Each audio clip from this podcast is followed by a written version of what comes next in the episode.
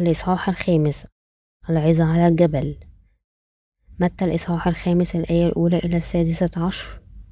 ولما رأى الجموع صعد إلى الجبل فلما جلس تقدم إليه تلاميذه ففتح فاه وعلمهم قائلا طوبى للمساكين بالروح لأن لهم ملكوت السماوات.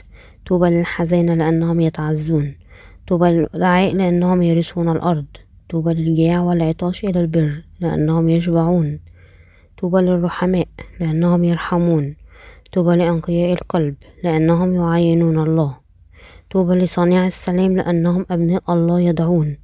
طوبى للمطرودين من أجل البر لأن لهم ملكوت السماوات. طوبى لكم إذا طردوكم وعايروكم وقالوا فيكم من أجل كل شر كاذبين.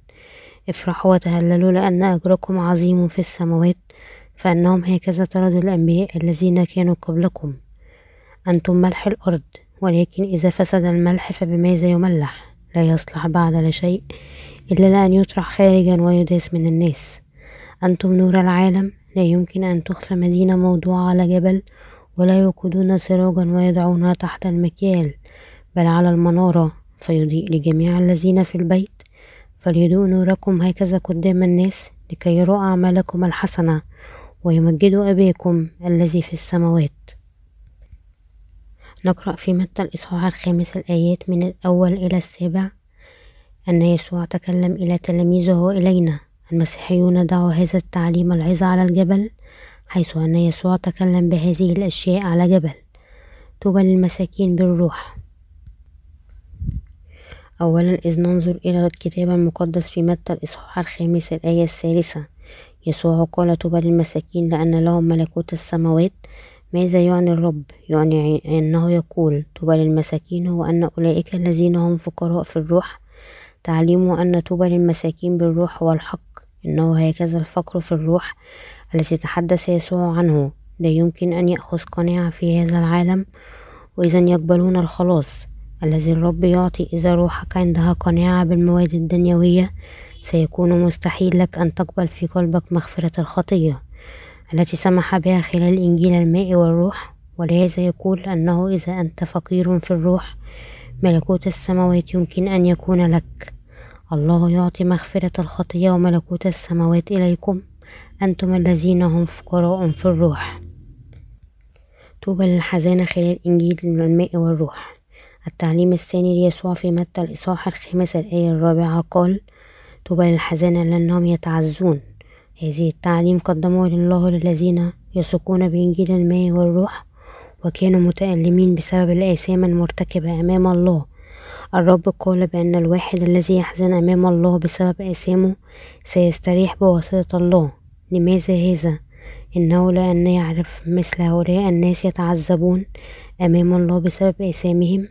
الواحد الذي يعترف بالله يؤمن أنه حي لا يمكن أن يبكي على آثامه.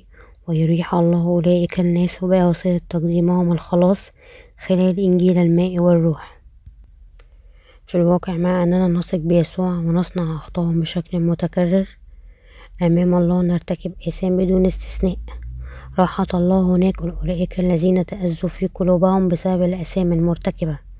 نحن مقصرين بأشكال عدة أمام الله البعض يحتمل أن يكونوا عديم الحس بشرهم وتجاوزاتهم. لأنهم يتصرفون بناء على الغريزة التي أعطاها الله لا يمكن أن يكونوا أشرار. الطوبة التي ينالها الودعاء في متى الإصحاح الخامس الآية الخامسة. الكتاب المقدس يخبرنا طوبى للودعاء لأنهم يرثون الأرض. هناك سبب أن قلوبنا يجب أن تكون وديعة أمام الله إذ قلوبنا وديعة أمام الله. إذ نحن يمكن أن نقبل كلمات الخلاص للماء والروح ويتكلم بها إلى قلوبنا. إذ قلوبنا ليست وديعة ولكن متحدية نحن لا يمكن أن نقبل كل كلمات الله في قلوبنا. لهذا القلوب الوديعة يمكن أن تكون مشكلة. في متى الإصحاح الخامس الآية الخامسة الكتاب المقدس يخبرنا أن طوبى للودعاء لأنهم يرثون الأرض. هذه الكلمات تخبرنا أن الذين نالوا مغفرة الآثام سيرثوا الملكوت الألفي. والملكوت السرمدي لله كميراث الإيمان إذ نقبل في قلوبنا إنجيل المغفرة الذي هو إنجيل الماء والروح. ننال مغفرة سرمدية للخطية أي واحد الذي يقبل في قلبه بشكل وديع أن إنجيل الماء والروح هو الحقيقة يمكن أن يقبل كل البركات القدسية للسماء. هذه الكلمات تخبرنا كما بوركنا حقا نحن الذين نقبل إنجيل الماء والروح بالقلوب الوديعة. ويجب أن نقبل في قلوبنا أن كل كلمات الله أصيلة تكلم الله إلينا كلنا خلال الكلمة المكتوبة. يقول الله إلينا خلال كلمته أنتم بشكل أساسي ممتلئين بالآثام بسبب أسلافكم.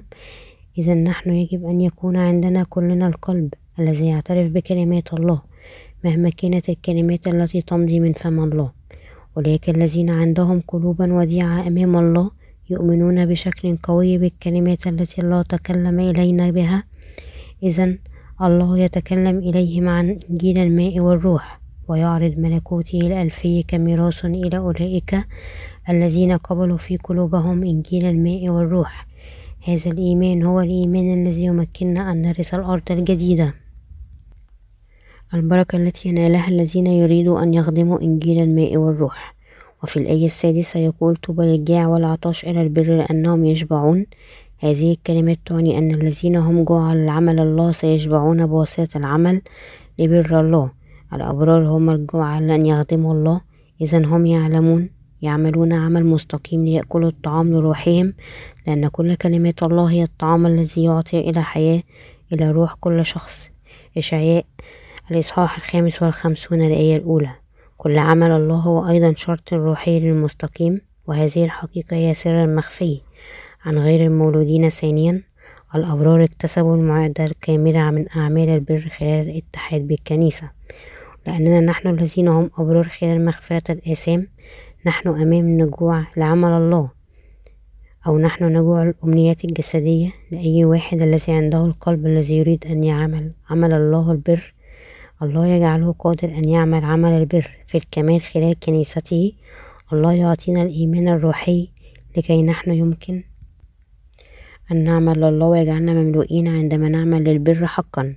أولئك الذين يريدون أن يعملوا أعمال مستقيمة لله يتعلمون من التجارب أن يكتسبوا كمال الروح. هل أنت جوعان للعمل الأبرار لله؟ أنت تستسلم كمال روحك بواسطة نشر إنجيل الماء والروح وتعمل عمل الله. أنت يجب أن تعرف بأن الله مع أن نفسك الخارجية. يمكن أن تأخذ قلب يتبع أمنية الجسد. الروح القدس داخلكم جوعان للعمل الأبرار لله ويريد دائما أن تعمل عمل البر.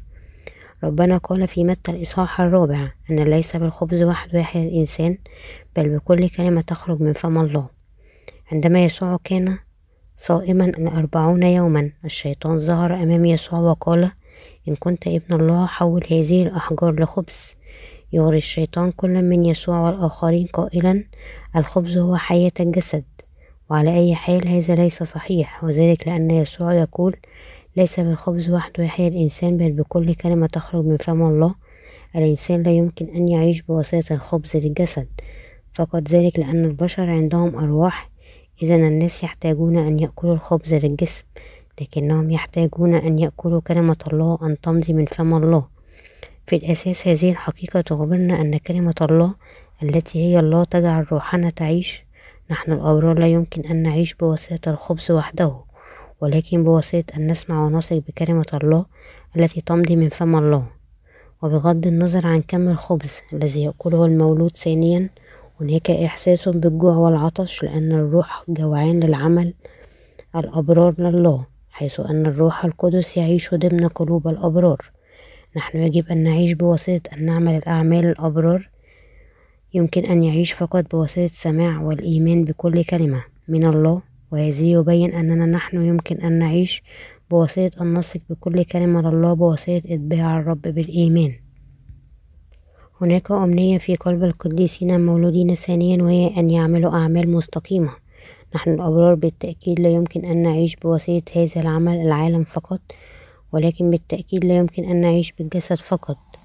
بين المستقيمين الواحد بالإيمان ضعيف. عندها أفكار مثل هذه حيث أنني قد استلمت مغفرة الآثام أنا يمكن أن أعيش الآن إذا أنا فقط أعتني بمشكلة الطعام واللباس والملجأ. الشخص البار بالأفكار مثل هذه ينتهي بإتباع أمنيته الخاصة ويفقد حياته في النهاية. وعلى أي حال البر لا يمكن أن يعيش بواسطة إتباع أمنية الجسد فقط حتى إذا الشخص الأبرار يتبع أمنيات الجسد. إذا هو فقط يتبع أمنية الجسد قلب الأبرار يصبح معدم. نحن مولودين ثانيا جوعانين وعطشانين للأعمال الأبرار وإذ نحن سعداء في نشر إنجيل الماء والروح. خبرات الأبرار هي شبع الروح وشبع الجسد. المؤمنون الجدد غالبا لا يفهمون هذه الحقيقة للإيمان. إذا الناس الذين إيمانهم ضعيف غالبا يقتلون في الروح بعد الحياة التي تتبع أمنيات جسدية. الأبرار الذين يتبعون الأمنيات يجربون بواسطة الشيطان بأشياء الجسد. إذ البار يقبل التجربة ويموت بالتأكيد. لهذا الرب قال طوبى للجياع والعطاش للبر. وأنت وأنا الآن أصبحنا الناس الذين ينقذون بر الله. ثم الشرط الحقيقي لأرواحنا هو أن ننشر إنجيل الماء والروح ونعمل لبر الله. عندما ربنا كان هنا على الأرض مع تلاميذه كان هناك أوقات فيها ربنا أحتاج طعام للجسد. مرة في سخار مدينة في السامرة تلاميذ يسوع كان يجب أن يسيروا في طريق طويل للبحث عن الطعام. وعندما التلاميذ أتوا بالطعام قالوا يا رب كل هذا الرب قال أنا عندي طعام الذي أنتم لا تعرفوه. إن الطعام الذي ذكر هو في عمل نشر إنجيل الماء والروح.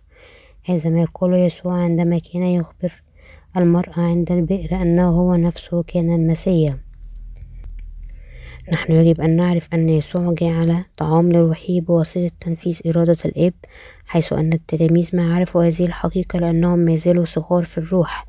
يسوع قال هذا إليهم هذه الكلمات كانت لك ولي. للمولودين ثانيا مسيحيين. هناك طوبى للجيع والعطش لبر الله. هل تجوع وتعطش لبر الله؟ نعم. أنا عطشان لبر الله. أيضا هكذا بعدما أعمل هذا الجزء من عمل الله في هذا الوقت أنا أعمل عمل آخر لبر الله وأنا أعمل عمل الله. يوما ما شاهدت في التلفاز برنامج يسمى رحلة عالم. في هذا البرنامج الناس الذين سافروا لكل أجزاء المختلفة من العالم كانوا يبنون الفيلم الذي التقطوه في كل البلدان المختلفة في العالم. بينما شاهدت البرنامج اعتقدت أننا يجب أن أنقل إنجيل الماء والروح إلى ذلك البلد. حتى عندما العديد من الناس شاهدوا البرنامج اعتقدوا أن هناك مرح أو قد اهتم بالتراث الجديد. أنا البار أدركت أن الناس في ذلك البلد احتاجوا لإنجيل الماء والروح كما كنت أراقبه لأن جوع البر وعطش للبر بغض النظر عن ما هم يرون يرونه بوجهة نظر مختلفة. نحن الأبرار نلبس ضرورة نقل إنجيل الماء والروح لأولئك الذين لا يعرفون بر الله في العالم. ماذا يحدث إذ ننقل إنجيل الماء والروح إليهم؟ ينالون نجاة من كل الآثام؟ هل لا؟ هذا صحيح. إذ نريد أن ننقل إنجيل الماء والروح إلى الناس في هذا البلد. هناك شيء ما نحن يجب أن نعمل أولا وهو أن نجد أحد الذين يفهم لغة وتراث هذا البلد لهذا نحن نحاول أن نجد مترجمون جيدون في اللغات المتعددة أولا. الله يساعد أولئك الذين دائما هم جياع وعطاش للبر أن يعملوا أعمالا مستقيمة. كلما حاولنا أن نجد الناس الذين يمكن أن يترجموا وجدنا بأننا يمكن أن نجدهم. إذ نقدم إعلان على الإنترنت وبالإعلانات. نحن عندنا بعض الردود. العديد من الناس المهتمين تقدموا ونحن قد اتمنا ترجمة العمل إليهم. بعد اختيار المترجمين مؤهلين في كل لغة. نحن هم الأبرار الذين يعملون في نقل إنجيل الماء والروح إلى الناس في العالم. يحتاج الأبرار أن ينقلوا البر إلى كل روح تائهة في العالم. نحن المولودين ثانيا نجوع لأننا نريد أن ننشر الإنجيل. وحيث أن بر الله هو الشرط الحقيقي لحياة روح البر فإن جوع وعطش أولئك سيسد. الصالحون لا يمكن أن يعيشوا بدون الله. حاملين بر الله في هذا العالم بدون طعام روحي. ينتهون موتى من مجاعة الروح متكلما روحيا. الأبرار مثل الأشجار الجيدة التي تحمل ثمرة جيدة كما أن الناس يصبحون جياع إذ نحن لا نعطيهم الجسد. هكذا الأبرار الذين نالوا مغفرة الآثام لا يمكن أن يعيشوا بسبب مجاعة الروح إذ نحن لا ننقذ البر. زملائي المسيحيين حاول أن تعيش حياة لا تنفذ البر أو التي ليست في اتحاد بكنيستك ثم أنت ستشعر بشكل متحمس أن روحك تجوع لبر الله. زملائي المسيحيين هل لا تأكل متى جسمك يجوع؟ استشعر بالجوع إلى الموت. أنت يجب أن تأكل. إذا أي واحد الذي يجوع ويعطش لبر الله يجب أن يعمل عمل الله. الناس مثل هؤلاء هم مطوبون ربنا يخبر هذه الكلمات دائما للأبرار. نحن الذين هم أبرار نصبح كاملين في الروح عندما نحن نعمل عمل الله. زملائي المسيحيين الأعزاء إذ تريدوا أن تشبعوا كونوا مجتهدين في عمل الله. وعلى أي حال أنت لا يمكن أن تعمل عمل الله فقط إذ نحن يجب أن ننفذ عمل الله في الاتحاد مع الآخرين. سماع كلمة بر الله وقراءة كلمة الله والصلاة لله. نطلب مساعدته والعمل بإخلاص في كل موقع لأجل بر الله. الرب قال لكن اطلبوا أولا ملكوت الله وبره وهذه كلها تزاد لكم. وقال الله إلينا أن نطلب ملكوت الله وبره والذي يعني أننا نفكر بعمل الله أولا وأمور الجسد ثانيا. البركة التي ينالها الرحماء. متى الإصحاح الخامس الآية السابعة يقول طوبى للرحماء لأنهم يرحمون في الكتاب المقدس كونوا رحماء تعني أن يكون عندنا شفقة على الخطاة عندما نرى الناس الذين هم مذنبين. نعتقد في أنفسنا كم تافهين. نحن الأبرار. ننظر على الأرواح التي ليست مولودة ثانيا يبدون تافهين. هذا ليس فقط أناس بلدنا لكن إنه نفس الشيء عندما نرى الناس من العديد من البلدان الأخرى في العالم. خلال رحلتي الأولى للخدمة في الصين جلست في مقهى في بيجينغ لأستريح مع زميلي. وجدت سائحين غريبين قد جلسنا بجانبنا بعدما طلبت قطعة خبز وفقط كأسان من القهوة بينما نحن كنا نتحدث عن خطط الإرسالية للبلد بجدية كان يتمتعان بشركة مع بعضهم لما يزيد على الساعتين. وعندما كان الواحد يتحدث الآخر كان يستمع ويقول نعم. وعندما الآخر يتحدث الشخص الأول كان يقول ها لقد تمتعوا بالتحدث حقا واستماع كل منهم للآخر. مهما كان محتوى مناقشتهم إلا أن مناقشتهم بدت مخلصة جدا. وعلى أي حال عندما أرى أن أناس مثل ذلك أشعر بعطف أيضا هم جادون عندما يناقشون حول الأمور البديهية للجسد لكنهم يحتاجون أن يسمعوا إنجيل الماء والروح وهذا الموضوع الأكثر استعجالا لهم ليناقشوه. أشعر بعطف عندما أرى مثل هؤلاء الناس مع ذلك يتفاخرون. إنه تافه حيث أنهم لا يعرفون إنجيل الماء والروح. وفي قلوب الأبرار نحن عندنا الأمنية لنقدم كتب للأرواح التائهة ونوزعها لكل شخص. هم حتى لن يعرفوا مدى تفاهتهم مع أن بلدنا لا يحتمل أن يكون عنده بنفس القدر ثروة وقوة وطنية بالمقارنة إلى البلدان الغريبة المتقدمة. وإذا هم لربما ينظرون إلينا كشعب ضعيف نحن الأبرار عندنا شفقة روحية على كل شخص في العالم حتى أناس البلدان ذات الثروة المعتبرة هم تافهين عندما يراهم الأبرار. طوبى للرحماء لأنهم يرحمون. هذا يعني أن أولئك الذين عندهم شفقة على الآخرين سينالون رحمة. كم عديد من الناس نحن يجب أن يكون عندنا رحمة بهم وهذا حقيقي في جميع أنحاء العالم. البركة التي ينالها الذين أخذوا مغفرة الخطية. الرب قال في متى الإصحاح الخامس الآية الثامنة؟ طوبى لأنقياء القلب. قال بأن أنقياء القلب سيعاينون الله. أعزائي زملائي المسيحيين في الجوهر أولئك أنقياء القلب هم الذين نالوا مغفرة الخطية في قلوبهم بواسطة الإيمان بكلمة الله وإنجيل الماء والروح. أولئك الذين لا يتبعوا رغبات الجسد لكي يتبعوا إنجيل الماء والروح هم أنقياء القلب. شاهدت مسرحية تاريخية على التلفاز أمس. في المسرحية واحد من رعايا الملك ثورة أخيرا ضد الملك وهاجم القصر.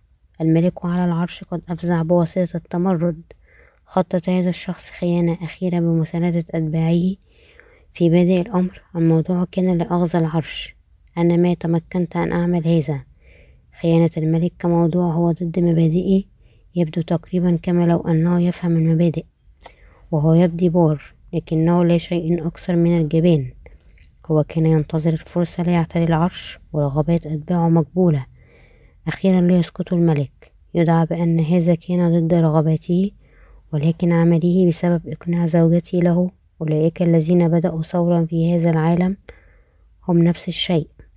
لذلك إنه صحيح كما قال أحدهم أن السياسة هي جعل اهتمامات كل شخص الخاصة في المصلحة العامة. أعزائي زملائي المسيحيين هل يمكن أن ربنا لا يساندنا؟ لا هو لا يمكن أن يتركنا. الرب ملك الملوك هو الملك الصالح لنا. ملك الملوك نزل بنفسه وخلص شعبه من الخطية ومسح كل آثام شعبه وخلصهم بإنجيل الماء والروح.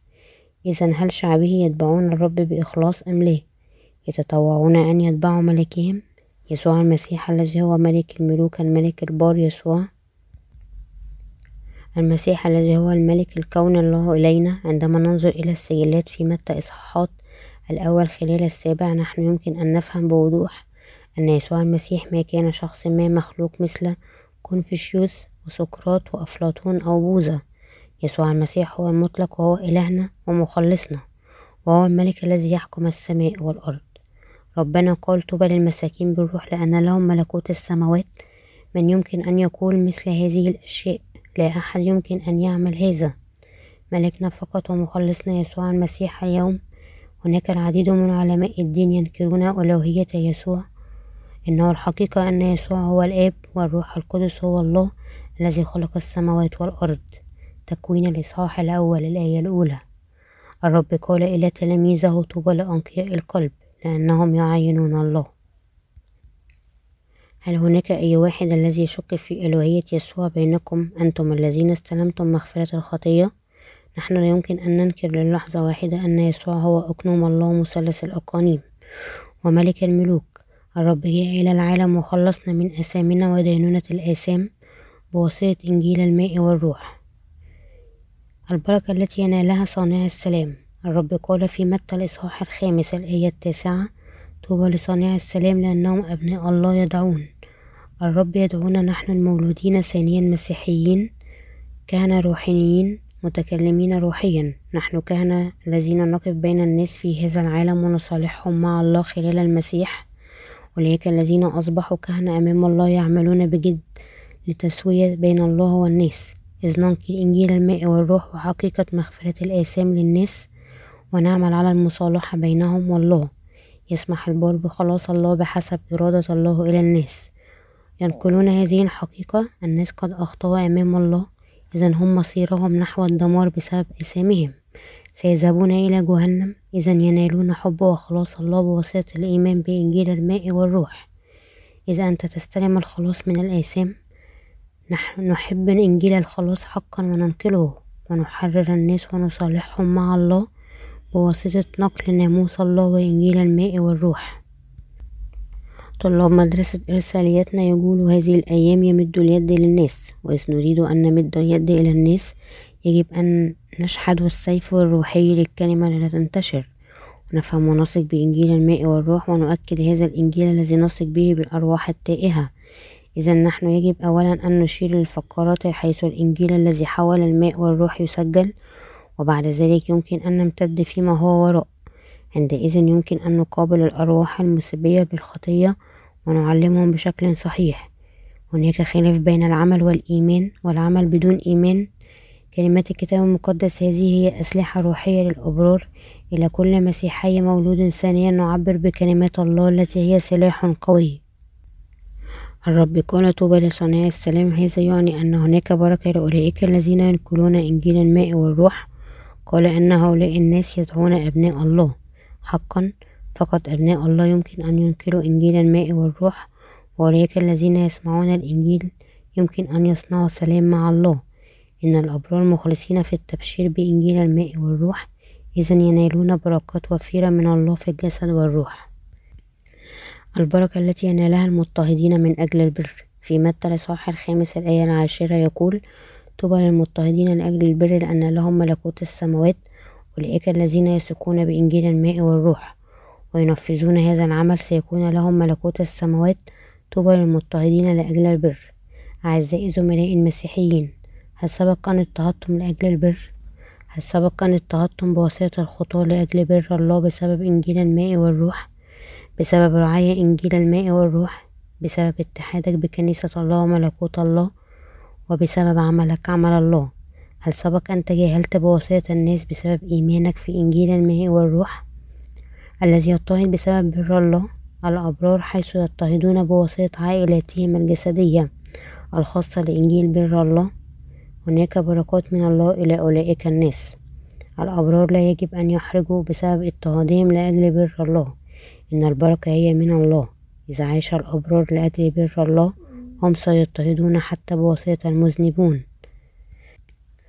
الأبرار حتى يضطهدون بواسطة أصدقائهم. تحاول أن تكون في الاتحاد بكنيسة الله. أنت ستكون مضطهد بالتأكيد. إنها إرادة الله للأبرار أن يضطهدوا. تيموساوس الثانية الإصحاح الثالث الآية الثانية عشر. يضطهدون الأبرار بالكلمات قائلين هل أنتم حقا؟ من واجبكم أن تذهبوا إلى كل خدمة بدلا من حياة الإيمان العشوائي. هل أنت لست مشغول؟ سهل الأمر. الإنسان هل لا يمكن لا يهم إذ أنت لا تحضر خدمة الأحد؟ فقط مرة كل سنة. هل أنت حقا من واجبك أن تعيش بواسطة الإيمان؟ هل أنت حقا من واجبك أن تفعل هذا؟ هل هم يعملون أم لا؟ هل أنت حقا من واجبه؟ هل هو يكسر علاقتك القريبة؟ صنع السلام لأجل نفسك لأجل كبريائك. للشهرة لتتجنب خسارتك الخاصة. هو أن لا تضطهد لأجل البر لكن تكون مضطهد لأجل نفسك هذا ليس اضطهاد لأجل بر الله وهذا الاضطهاد هو نوع الاضطهاد الذي عندك. ما يتكلم عنه الله هو الاضطهاد لأجل البر للأعمال لخلاص الأرواح وملكوت الله. عندما أحد يشتمك ويضطهدك ويقول كل أنواع الشر ضدك بشكل باطل لأجل بر الله أنت يمكن أن ترد إليه في العقل قائلا حتى لو أنه يضطهدني.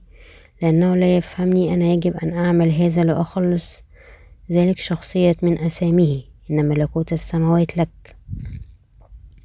اليوم العديد من أولئك الذين سمعوا الإنجيل الحقيقي لا يريدوا أن يكونوا مضطهدين لأجل البر. هم خائفون أن يكون عندهم الإيمان الحقيقي في المسيح وبعض الناس يعرفون إنجيل الماء والروح لكن لا ينقلوه إلى الآخرين. والبعض يقف مع المذنبين بدلا من الله لكي يتجنبوا الاضطهاد. هؤلاء الناس ليس لهم بركات حتى إذ هم قد استلموا مغفرة الخطية إذ هم لا يضطهدون لأجل إنجيل الماء والروح. هذا أنهم ينتهون بخيانة الإيمان الحقيقي في الطريق بدلا من رعاية إيمانهم حتى يوم يقفون أمام الرب إنه مقبول من أحد أن يكون ضعيف.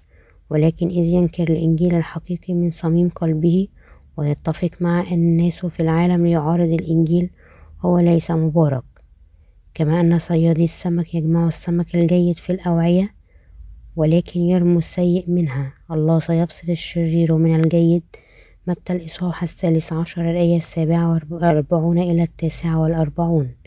هذه هي أمثال ملكوت السماوات في إنجيل متى.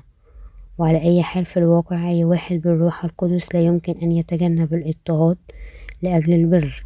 الإنسان لا يمكن إلا أن يحيا لأجل البر بعد الوثوق بإنجيل الماء والروح واستلام مغفرة الخطية. إنه محتمل بالتأكيد للواحد أن يستشير اهتمامه الخاص إذ هو يوجه حقا بواسطة الروح القدس في قلبه البار ينال الاضطهاد لأجل البر.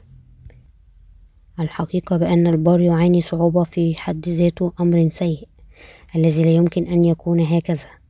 أحيانا نعاني صعوبة لنبشر بالإنجيل لكن هل هناك أي شيء ليس صعب؟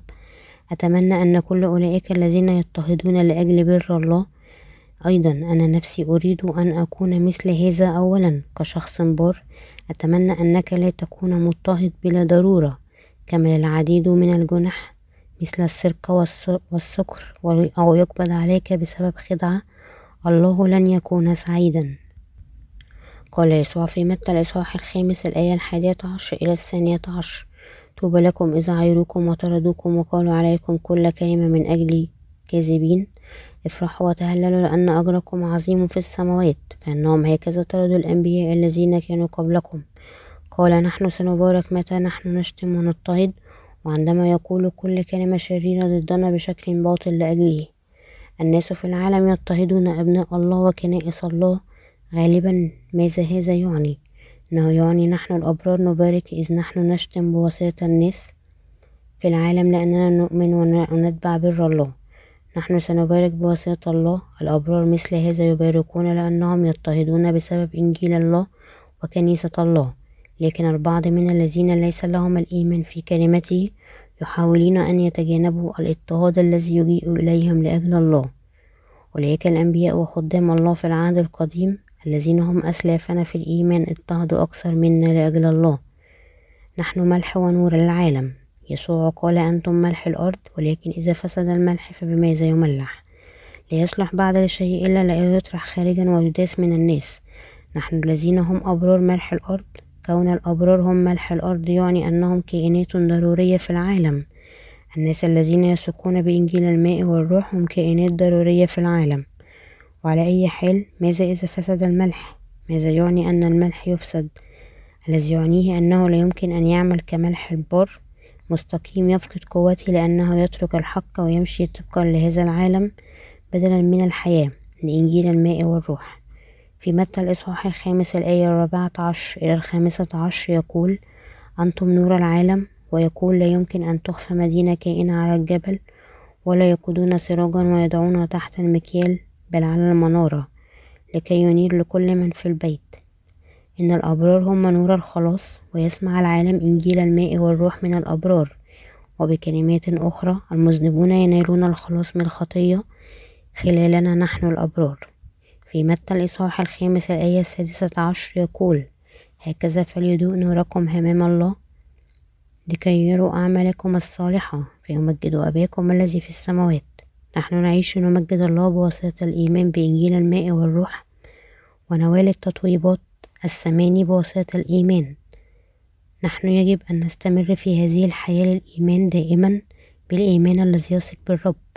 نشكر الله الذي يعطينا أن ننال بركات كل هذه الحقيقة هي العظة على الجبل التي تليكم بها الرب.